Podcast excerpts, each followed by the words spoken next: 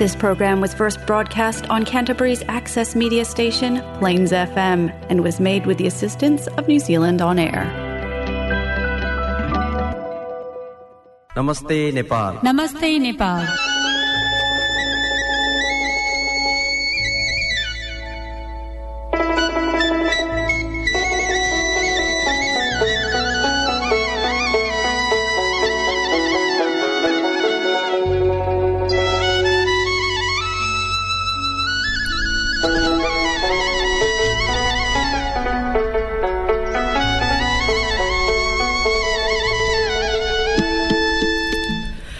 नमस्कार। Plains FM ninety six point nine मेघाजमा यो हो कार्यक्रम। Namaste Nepal. Namaste Nepal. Nepal New Zealand friendship society क्यान्चबरीको प्रस्तुति हो र हामी क्राइसिसमा रहेका नेपालीहरूलाई एउटा आवाजमा एउटा गीत सङ्गीतहरूमा विषय प्रसङ्गहरूको आधारमा रेडियो कार्यक्रम मार्फत एकीकृत गर्ने र जोड्ने प्रयास गर्दै आइरहेका छौँ पन्ध्र वर्षभन्दा लामो समयदेखि। यहाँहरूले पनि हामीलाई सुनेर साथ दिने प्रयास गर्दै आउनुभएको छ। क्राइसिस आसपासमा नाइन्टी सिक्स पोइन्ट नाइन मेगाहर्जको फ्रिक्वेन्सी मोडुलेसन मार्फत कार्यक्रमलाई प्रत्यक्ष रूपबाट सुन्न सक्नुहुनेछ भने यहाँहरूले नमस्ते नेपाल क्राइस्टर्स न्युजिल्यान्ड नामको फेसबुक पेजमा जोडिसकेपछि पोडकास्टको माध्यमबाट पनि यहाँहरू कार्यक्रममा आफू अनुकूल हुने समयमा जोडिन सक्नुहुनेछ। जस्तै क्राइस्टर्सभन्दा बाहिर रहनुभएका श्रोताहरूलाई पनि थाहा भइ नै सकेको छ Plains FM dot ORG dot एनजेडमा गइसकेपछि सोमबार बेलुका आठ बजेको यो समयमा कार्यक्रम नमस्ते नेपालसँग प्रत्यक्ष रूपबाट जोडिन सक्नुहुनेछ र हाम्रो पुनर्प्रसारण भने बेलुका आठ बजे बिहिबार आउनेछ। श्रोता नमस्ते नेपालका प्रसारण भइसकेका कार्यक्रमहरूको रिभिजिटेड श्रृङ्खलाको अर्को अङ्कमा आज अशोक श्रेष्ठजीसँग केही समय केही वर्ष अगाडि गरिएको कुराकानीका अंशहरू आजको कार्यक्रममा प्रस्तुत गरिन्छ। म अर्को गरिरहेको छु। श्रोता अशोक श्रेष्ठजीले वाइमातेमा रहँदै गर्दाखेरि डेरी फार्ममा गर्नुभएको अनुभव आजको कार्यक्रम मार्फत सेयर गर्ने प्रयास गरेका छौँ र यसलाई रिभिजिट गर्ने प्रयास हो भन्नुपर्छ। समयवश अहिले अशोक श्रेष्ठ एनएनजेड एफएससीको अध्यक्ष पनि हुनुहुन्छ।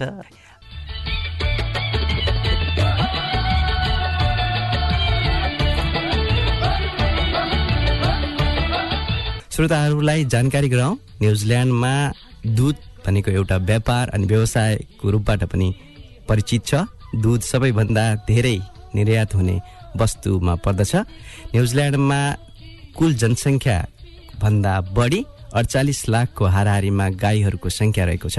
अहिले न्युजिल्यान्डमा विभिन्न खालका गाई फार्महरू रहेका छन्। सानोदेखि ठुला गाई फार्महरूमा सानोमा चार सय दुईदेखि र सबभन्दा ठुलोमा पन्ध्र सय भन्दा बढी गाईहरू पनि रहेको तथ्याङ्क छ अब थप घट त भइ नै हाल्छ तर कार्यक्रमको सुरुवातमा भने अब एउटा कृषि सम्बन्धी गीत छ हुन त नेपालको कृषिसँग सम्बन्धित यो गीत। न्युजिल्यान्डको क्राइस्ट सहरमा बसेर यहाँहरू पनि सुन्ने प्रयास गर्नुहोला। अनि त्यसपछि हामी आजको अतिथिसँग कुराकानी अगाडि बढाउनेछौँ।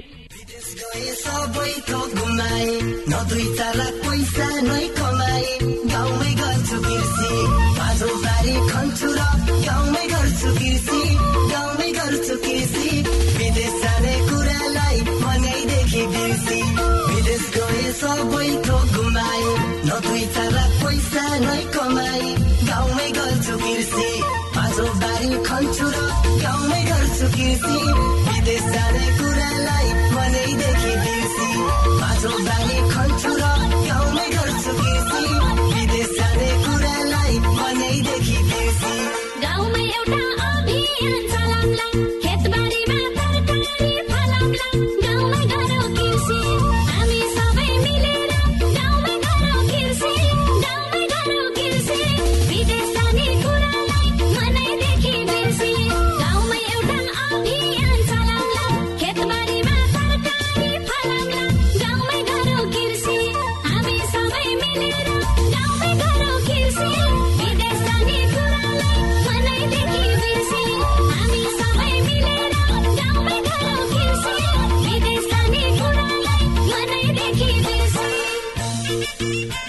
हजुर श्रोता विदेश जाने कुरालाई बिर्सिएर कृषिमा इन्भल्भ हौँ भन्ने खालको गीत थियो। हुन त अब हामी विदेशमा छौँ त्यही पनि आफ्ना अनुभवहरू सुनाउने प्रयास गरिरहेका छौँ। त्यसै क्रममा आज हाम्रा साथमा अशोक कुमार श्रेष्ठ हुनुहुन्छ। अशोकजी यहाँलाई कार्यक्रम नमस्ते नेपालमा हार्दिक स्वागत गर्दछु। धन्यवाद विनोदजी। आफ्नो अनुभवलाई सेयर गर्न मौका दिनुभएकोमा धेरै धेरै धन्यवाद। त्यही त अब तपाईँ झन्डै अब वर्ष त मलाई थाहा भएन। नाइन्टिन नाइन्टी सेभेन भन्नुभयो अनौपचारिक कुरामा। विदेश लाग्नुभयो यो डेरी फार्मसँगको अनुभव रह्यो। कस्तो रह्यो सुरुवाती दिनहरू? त्यहाँबाट नै कुराकानी सुरु गरौँ न। म पहिला त म यो विदेश जान्छु भन्ने सोचेकै थिएन। मेरो एकजना फुपूको छोरा हुनुहुन्थ्यो। उहाँले चाहिँ मलाई विदेश जानुलाई चाहिँ एक किसिमको इन्सपायर गर्नुभयो। के भयो के भयो? अनि त्यसपछि ल म पनि जान्छु भन्दाखेरि मेरो जेठानहरू पहिला डेरी फार्ममै काम गरेर बस्नुभएको थियो। अनि उहाँहरूलाई म म पनि आउँछु भन्दाखेरि उहाँहरू पहिला सरप्राइज हुनुभयो। किन आउने भनेर। तपाईँलाई पुस गरेको कि इन्सपायर गरेको? इन्सपायर नै हो जस्तो लाग्छ मलाई। एकचोटि छोरा भएर विदेश चाहिँ हेर्न पर्छ है भन्नुभयो कि मेरो दाइले अनि त्यसपछि चाहिँ कता कता त्यहाँबाट सुरु भयो मलाई विदेश जान्छु भनेर चाहिँ। अनि डेरी फार्म चाहिँ अब ओल्डको लार्जेस्ट डेरी फार्म थियो त्यो। त्यो चाहिँ गिनिस ओल्ड रेकर्डमै भएको थियो होइन? त्यहाँ गाई पनि धेरै अनि काम गर्ने स्टाफहरू पनि धेरै है? अल्साफी डायरी भन्नु अल्साफी डायरी। Saudi Arab. हजुर साउदी अरबमा अल्खराज भन्ने ठाउँमा थियो त्यो चाहिँ। म नाइन्टी सेभेनमा गएँ। पहिला जाँदाखेरि त म छक्कै परेँ। मैले त्योभन्दा अगाडि कुनै पनि जनावरलाई छोएको थिइनँ। नेपालमा बसेर पनि नेपालमा बसेर पनि कुनै जनावरलाई छोएको थिएन। यो त अचम्म कुरा अनि त्यसपछि गएँ अनि पहिलो दिनमा ड्युटी जाँदाखेरि त म त गएर ओभरअल लाउनु पनि थियो कि मेरो युनिफर्म। त्यो लाउनलाई पनि एकदम अप्ठ्यारो भयो जस्तो। स्ट्रगल गर्नु पर्यो। एकदम स्ट्रगल अनि त्यसपछि अब कहिल्यै पशुलाई नछोएको छुँदाखेरि हुन्छ नि अनेक किसिमको अप्ठ्यारोहरू भए। भए तर पनि अब दिन बिस्तारै बिस्तारै बानी पर्दै गयो। कसरी बानी पर्यो त? अब कपडा नै लाउन गाह्रो भएको भनेपछि त। होइन अब बानी पार्नु पनि पर्छ अब त्यहाँ गइसकेपछि केही गर्नुपर्छ भनी भित्रबाट पनि आयो। भनेपछि मानव अब सुरुवाती दिन त यस्तो रह्यो। अब एक महिना घर्किसकेपछि चाहिँ कस्तो भयो कामको व्यस्तताहरू कामको हुन्छ नि? काम चाहिँ कस्तो थियो भन्दा सिफ्ट वाइज थियो। त्यहाँ चाहिँ ट्वेन्टी फोर आवर्स चल्ने। अनि ट्वेन्टी फोर आवर्स चल्ने भएपछि सिफ्टको थियो। अनि मलाई चाहिँ सबैभन्दा अप्ठ्यारो चाहिँ के लाग्यो भने बिहान दुई बजी उठ्नुपर्ने। त्यहाँ चाहिँ के एउटा दुई बजीबाट दिउँसोको बाह्र बजीसम्मको सिफ्ट थियो। दुई बजी उठ्न चाहिँ मलाई साह्रो गाह्रो पर्यो अनि त्यस बेलामा चाहिँ घर परिवारलाई सम्झिने त्यो त्यो अर्को छुट्टै छँदैछ। त्यो दुई बजी उठ्नु चाहिँ सबैभन्दा गाह्रो काम थियो मेरो। हजुर। भनेपछि कतै रुन त आएन घर परिवारलाई कहिले काहीँ रोए पनि। कहिले काहीँ रोए पनि। अहिले ती कुराहरू सम्झिँदाखेरि कस्तो लागेर आउँछ तपाईँलाई? होइन अब त्यो जीवनको एक खालको अनुभव थियो। त्यसले गर्दा नै आजसम्म यो स्थितिमा पुगिया छ। त्यसलाई कहिले पनि बिर्सिनु हुँदैन। कुनै पनि कुराहरू दुःखपछि सुख अवश्य हुन्छ। त्यो कुरा चाहिँ मैले मनन गरेँ त्यहाँ गएपछि। भनेपछि त भयङ्करै दुःख गरियो भन्ने पनि लाग्छ होला है। भयङ्करै दुःख गरियो। म आफूलाई चाहिँ त्यस्तो लाग्छ। तर मैले त्यहाँ एकजना अरू मान्छेहरूलाई अरू अरू देशका साथीहरूलाई पनि भेटेँ अनि कुरा गर्दाखेरि यो त के दुःख हो र तिमीले के दुःख सम्झिन्छौ यसलाई? हामीले कति दुःख गऱ्यो कति गऱ्यो यो त केही पनि होइन। अनि त्यसपछि पहिला महिनाहरू बित्दै गए त्यसपछि त हो जस्तो लाग्यो आफूलाई पनि एउटा सबै कुरा रुटिनले चल्न थाल्यो नि त। खाने टाइममा एउटा हरेक किसिमको रुटिन त्यसबाट चाहिँ अलिकता अर्कै भए भनेपछि तपाईँको काम कसरी सुरु हुन्थ्यो? बिहानमा गइसकेपछि दुई बजे गइसकेपछि गाईसँग रिलेटेड भएर कसरी सुरु हुन्थ्यो?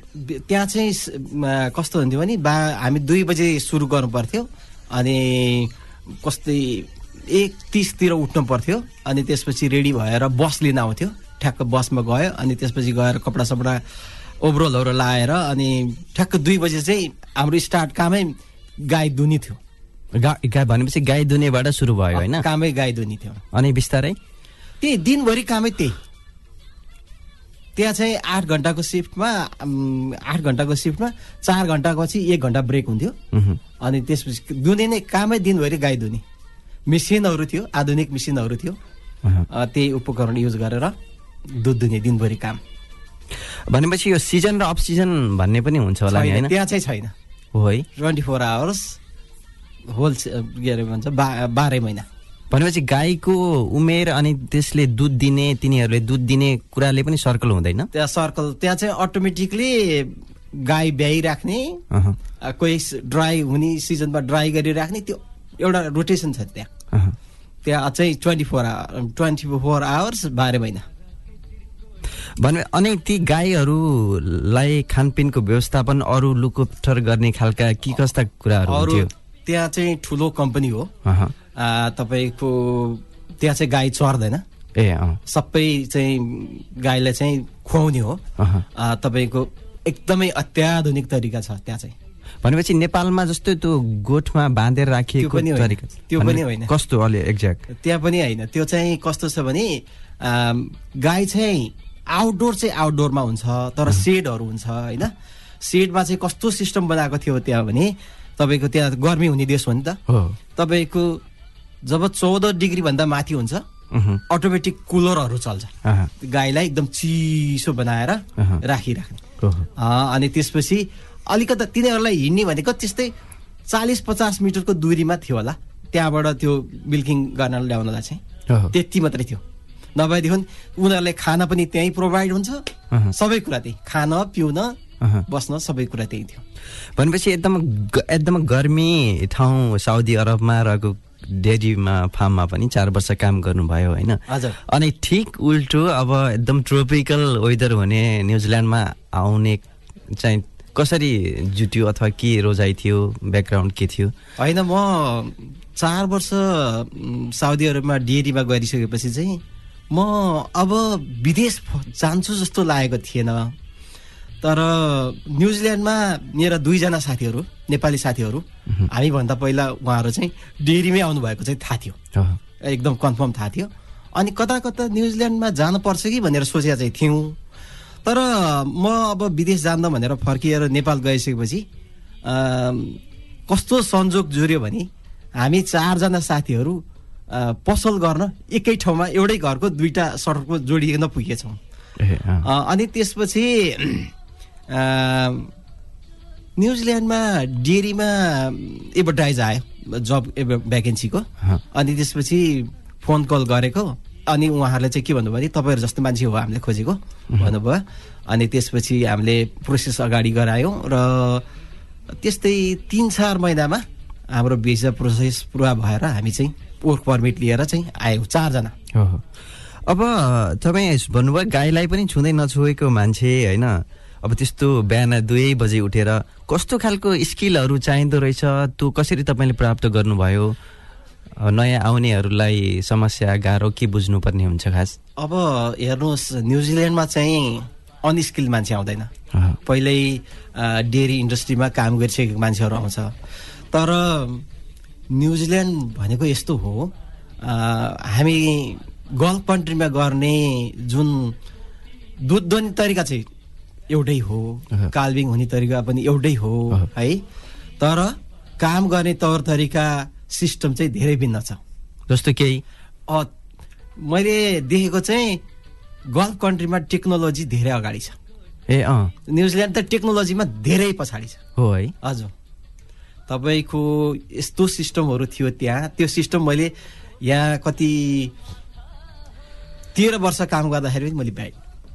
भनेपछि त तपाईँ झन् गाह्रो ठाउँबाट यहाँ आउँदा त झनै सजिलो पो भयो त है त्यस्तो टेक्नोलोजीहरू युज गरेको? हजुर। होइन टेक्नोलोजी युज चाहिँ गरेको तर यहाँहरू क्युमा आएपछि न्युजिल्यान्डमा आएपछि चाहिँ मैले के भेटेँ भने यिनीहरूले काम गर्ने तौर तरिका चाहिँ एकदम सजिलोसँग गर्ने। हामीले जुन काम अप्ठ्यारो पारे तरिकाले गर्थ्यौँ यहाँ चाहिँ एकदम सजिलो तरिकाले गर्ने। त्यो चाहिँ एकदमै फरक पाएँ मैले। श्रोताहरूलाई पनि जानकारी गराउँ अब हुन पनि थाहा भइसकेकै पनि कुरा हो। हाम्रा नेपाली दाजुभाइहरू न्युजिल्यान्डका विभिन्न सहरको आसपासमा रहेका डेरी फार्महरूमा काम गर्नुभएको छ। अकल झुकल हाम्रो रेडियो सुन्नुभयो भने पनि यहाँहरूको जस्तै अनुभव आज अशोकजीले यहाँ सेयर गरिरहनु भएको छ। अब यहाँको दिन एउटा मलाई एउटा फुल प्याकेज मलाई बताउनुहोस्। बिहान कति बजेदेखि उठेपछि के हुन्छ र बेलुका सुत्ने बेलासम्म के हुन्छ एउटा डेरी फार्ममा? त्यो मलाई यसो भन्नुहोस् न। न्युजिल्यान्डको चाहिँ सबैभन्दा पहिलो काम भनेको बिहानमा गाई दुने हो। है? अनि तपाईँको बिहान उठ्यो अब तपाईँको धेरै जस्तो फार्महरूमा पाँच बजी सुरु हुन्छ। पाँच बजी सुरु हुनलाई तपाईँको चार पन्ध्रतिर उठ्नुपर्छ। हो।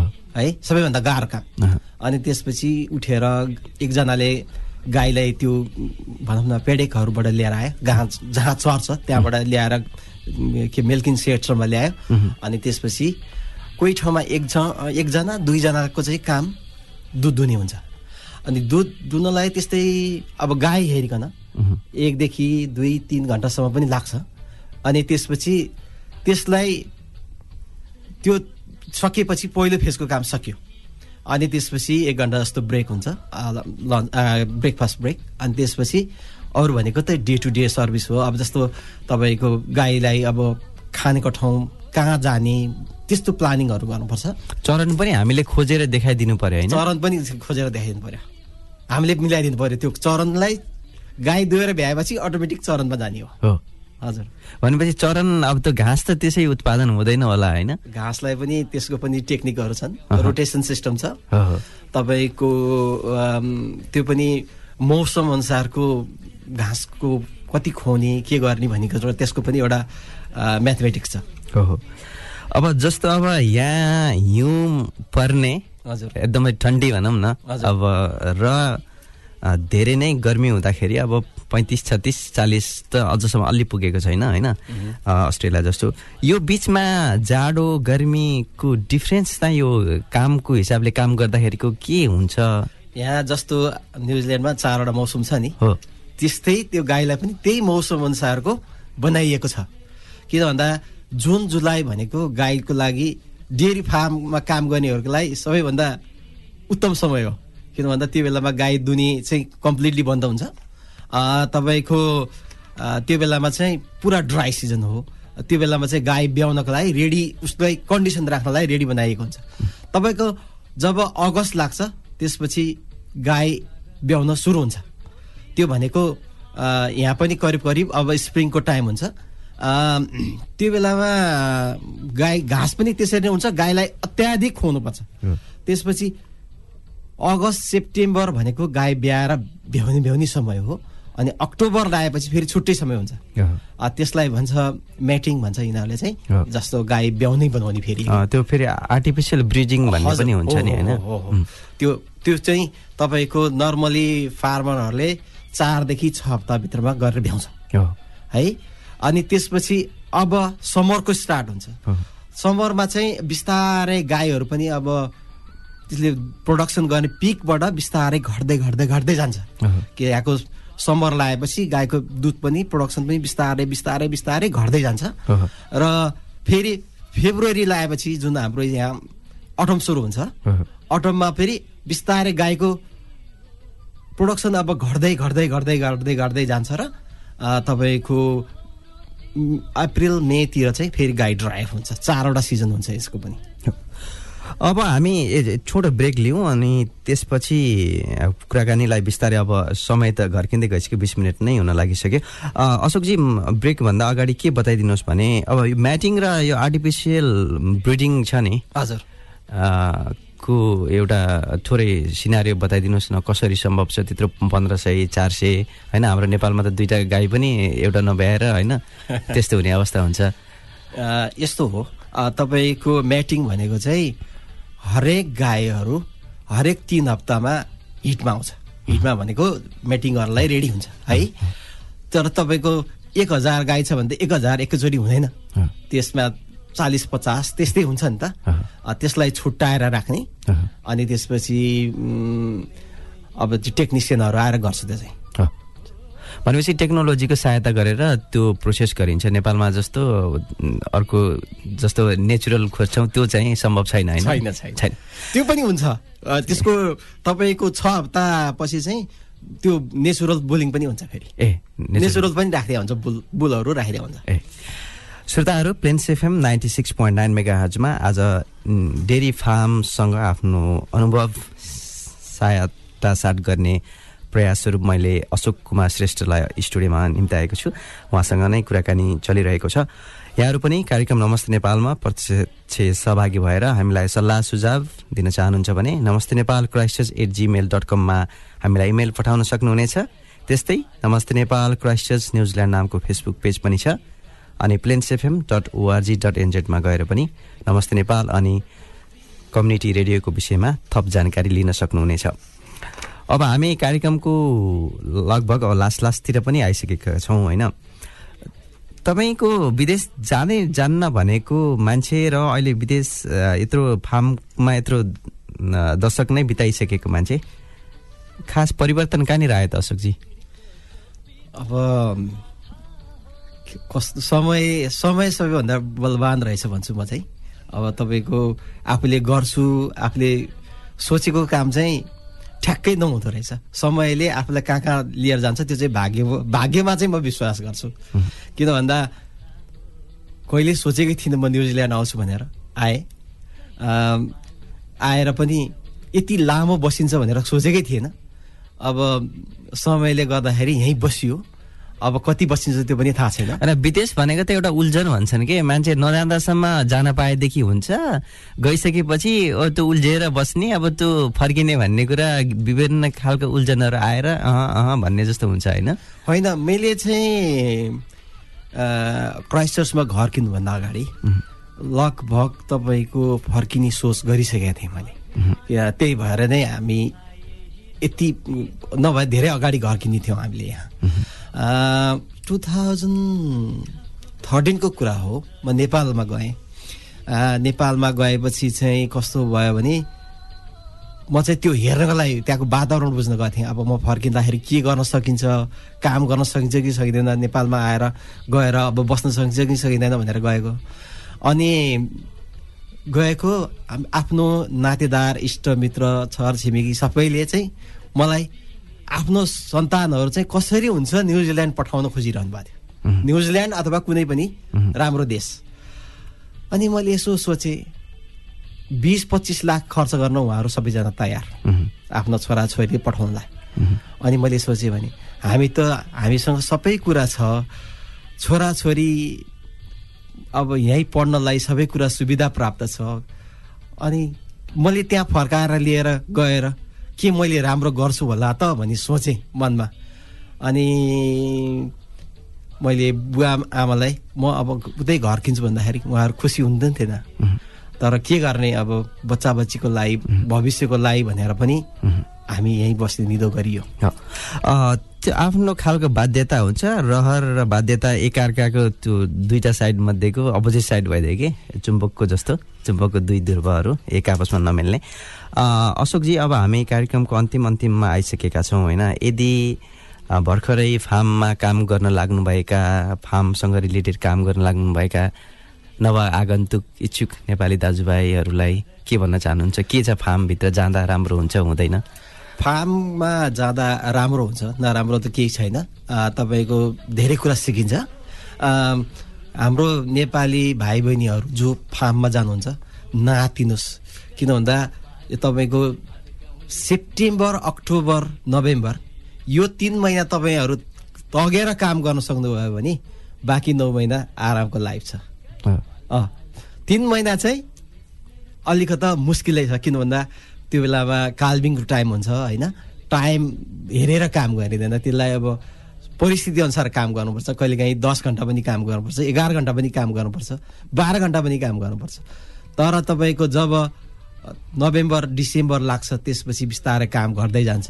जुन जुलाई त तपाईँहरूको लागि डेरी फार्मको लागि स्वर्ग हो। नेपाल जाने तयारी गर्नुभएको गएर फेरि यतै बस्ने विचार गर्नुभयो। फेरि वाइमाते छोडेर यता आउनु भएको थियो कि भएको थियो? अब क्राइस्ट छोडेर फेरि वाइमाते फर्किने कार्यक्रम त छैन नि। त्यो चाहिँ छैन अब त्यो चाहिँ छैन। तर अझसम्म पनि पचास पुगेपछि चाहिँ नेपाल कम्प्लिटली फर्केर नगए पनि आधा आधा बस्ने सोचाइ चाहिँ अझ पनि छ। तपाईँको कामना पुरा होस्। हामी यस्तै फेरि पनि शुभकामना दिन्छौँ।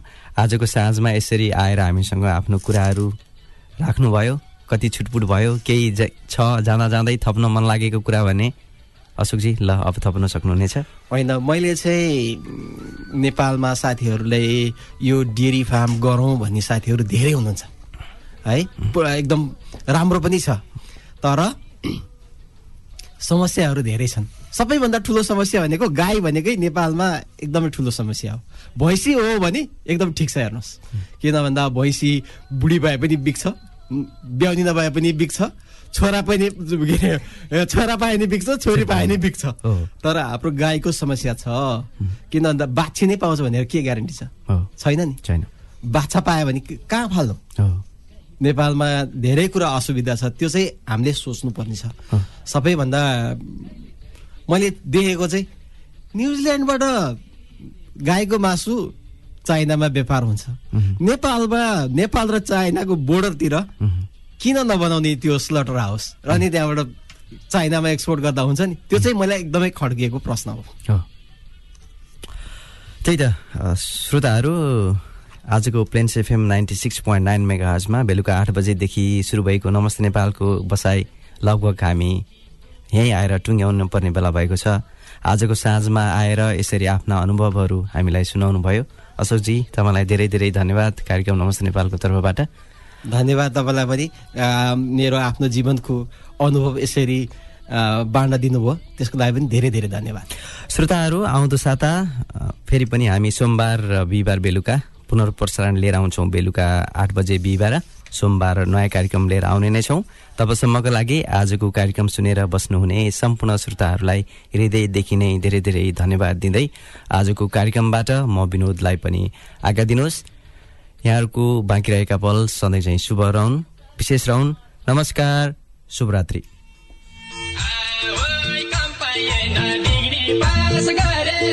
भैँसी गाउँतिरै झरेर चिन्ता छैन केही हे मलाई अमेरिका ए मलाई जापान पनि ए मलाई बेलायत नि ए लैनो भैँसी दुन्छु दुई गिलास दुध खान्छु हे मलाई बियर पनि ए मलाई हुस्की पनि ए मलाई पोसिलो नि ए। नमस्ते नेपाल। नमस्ते नेपाल।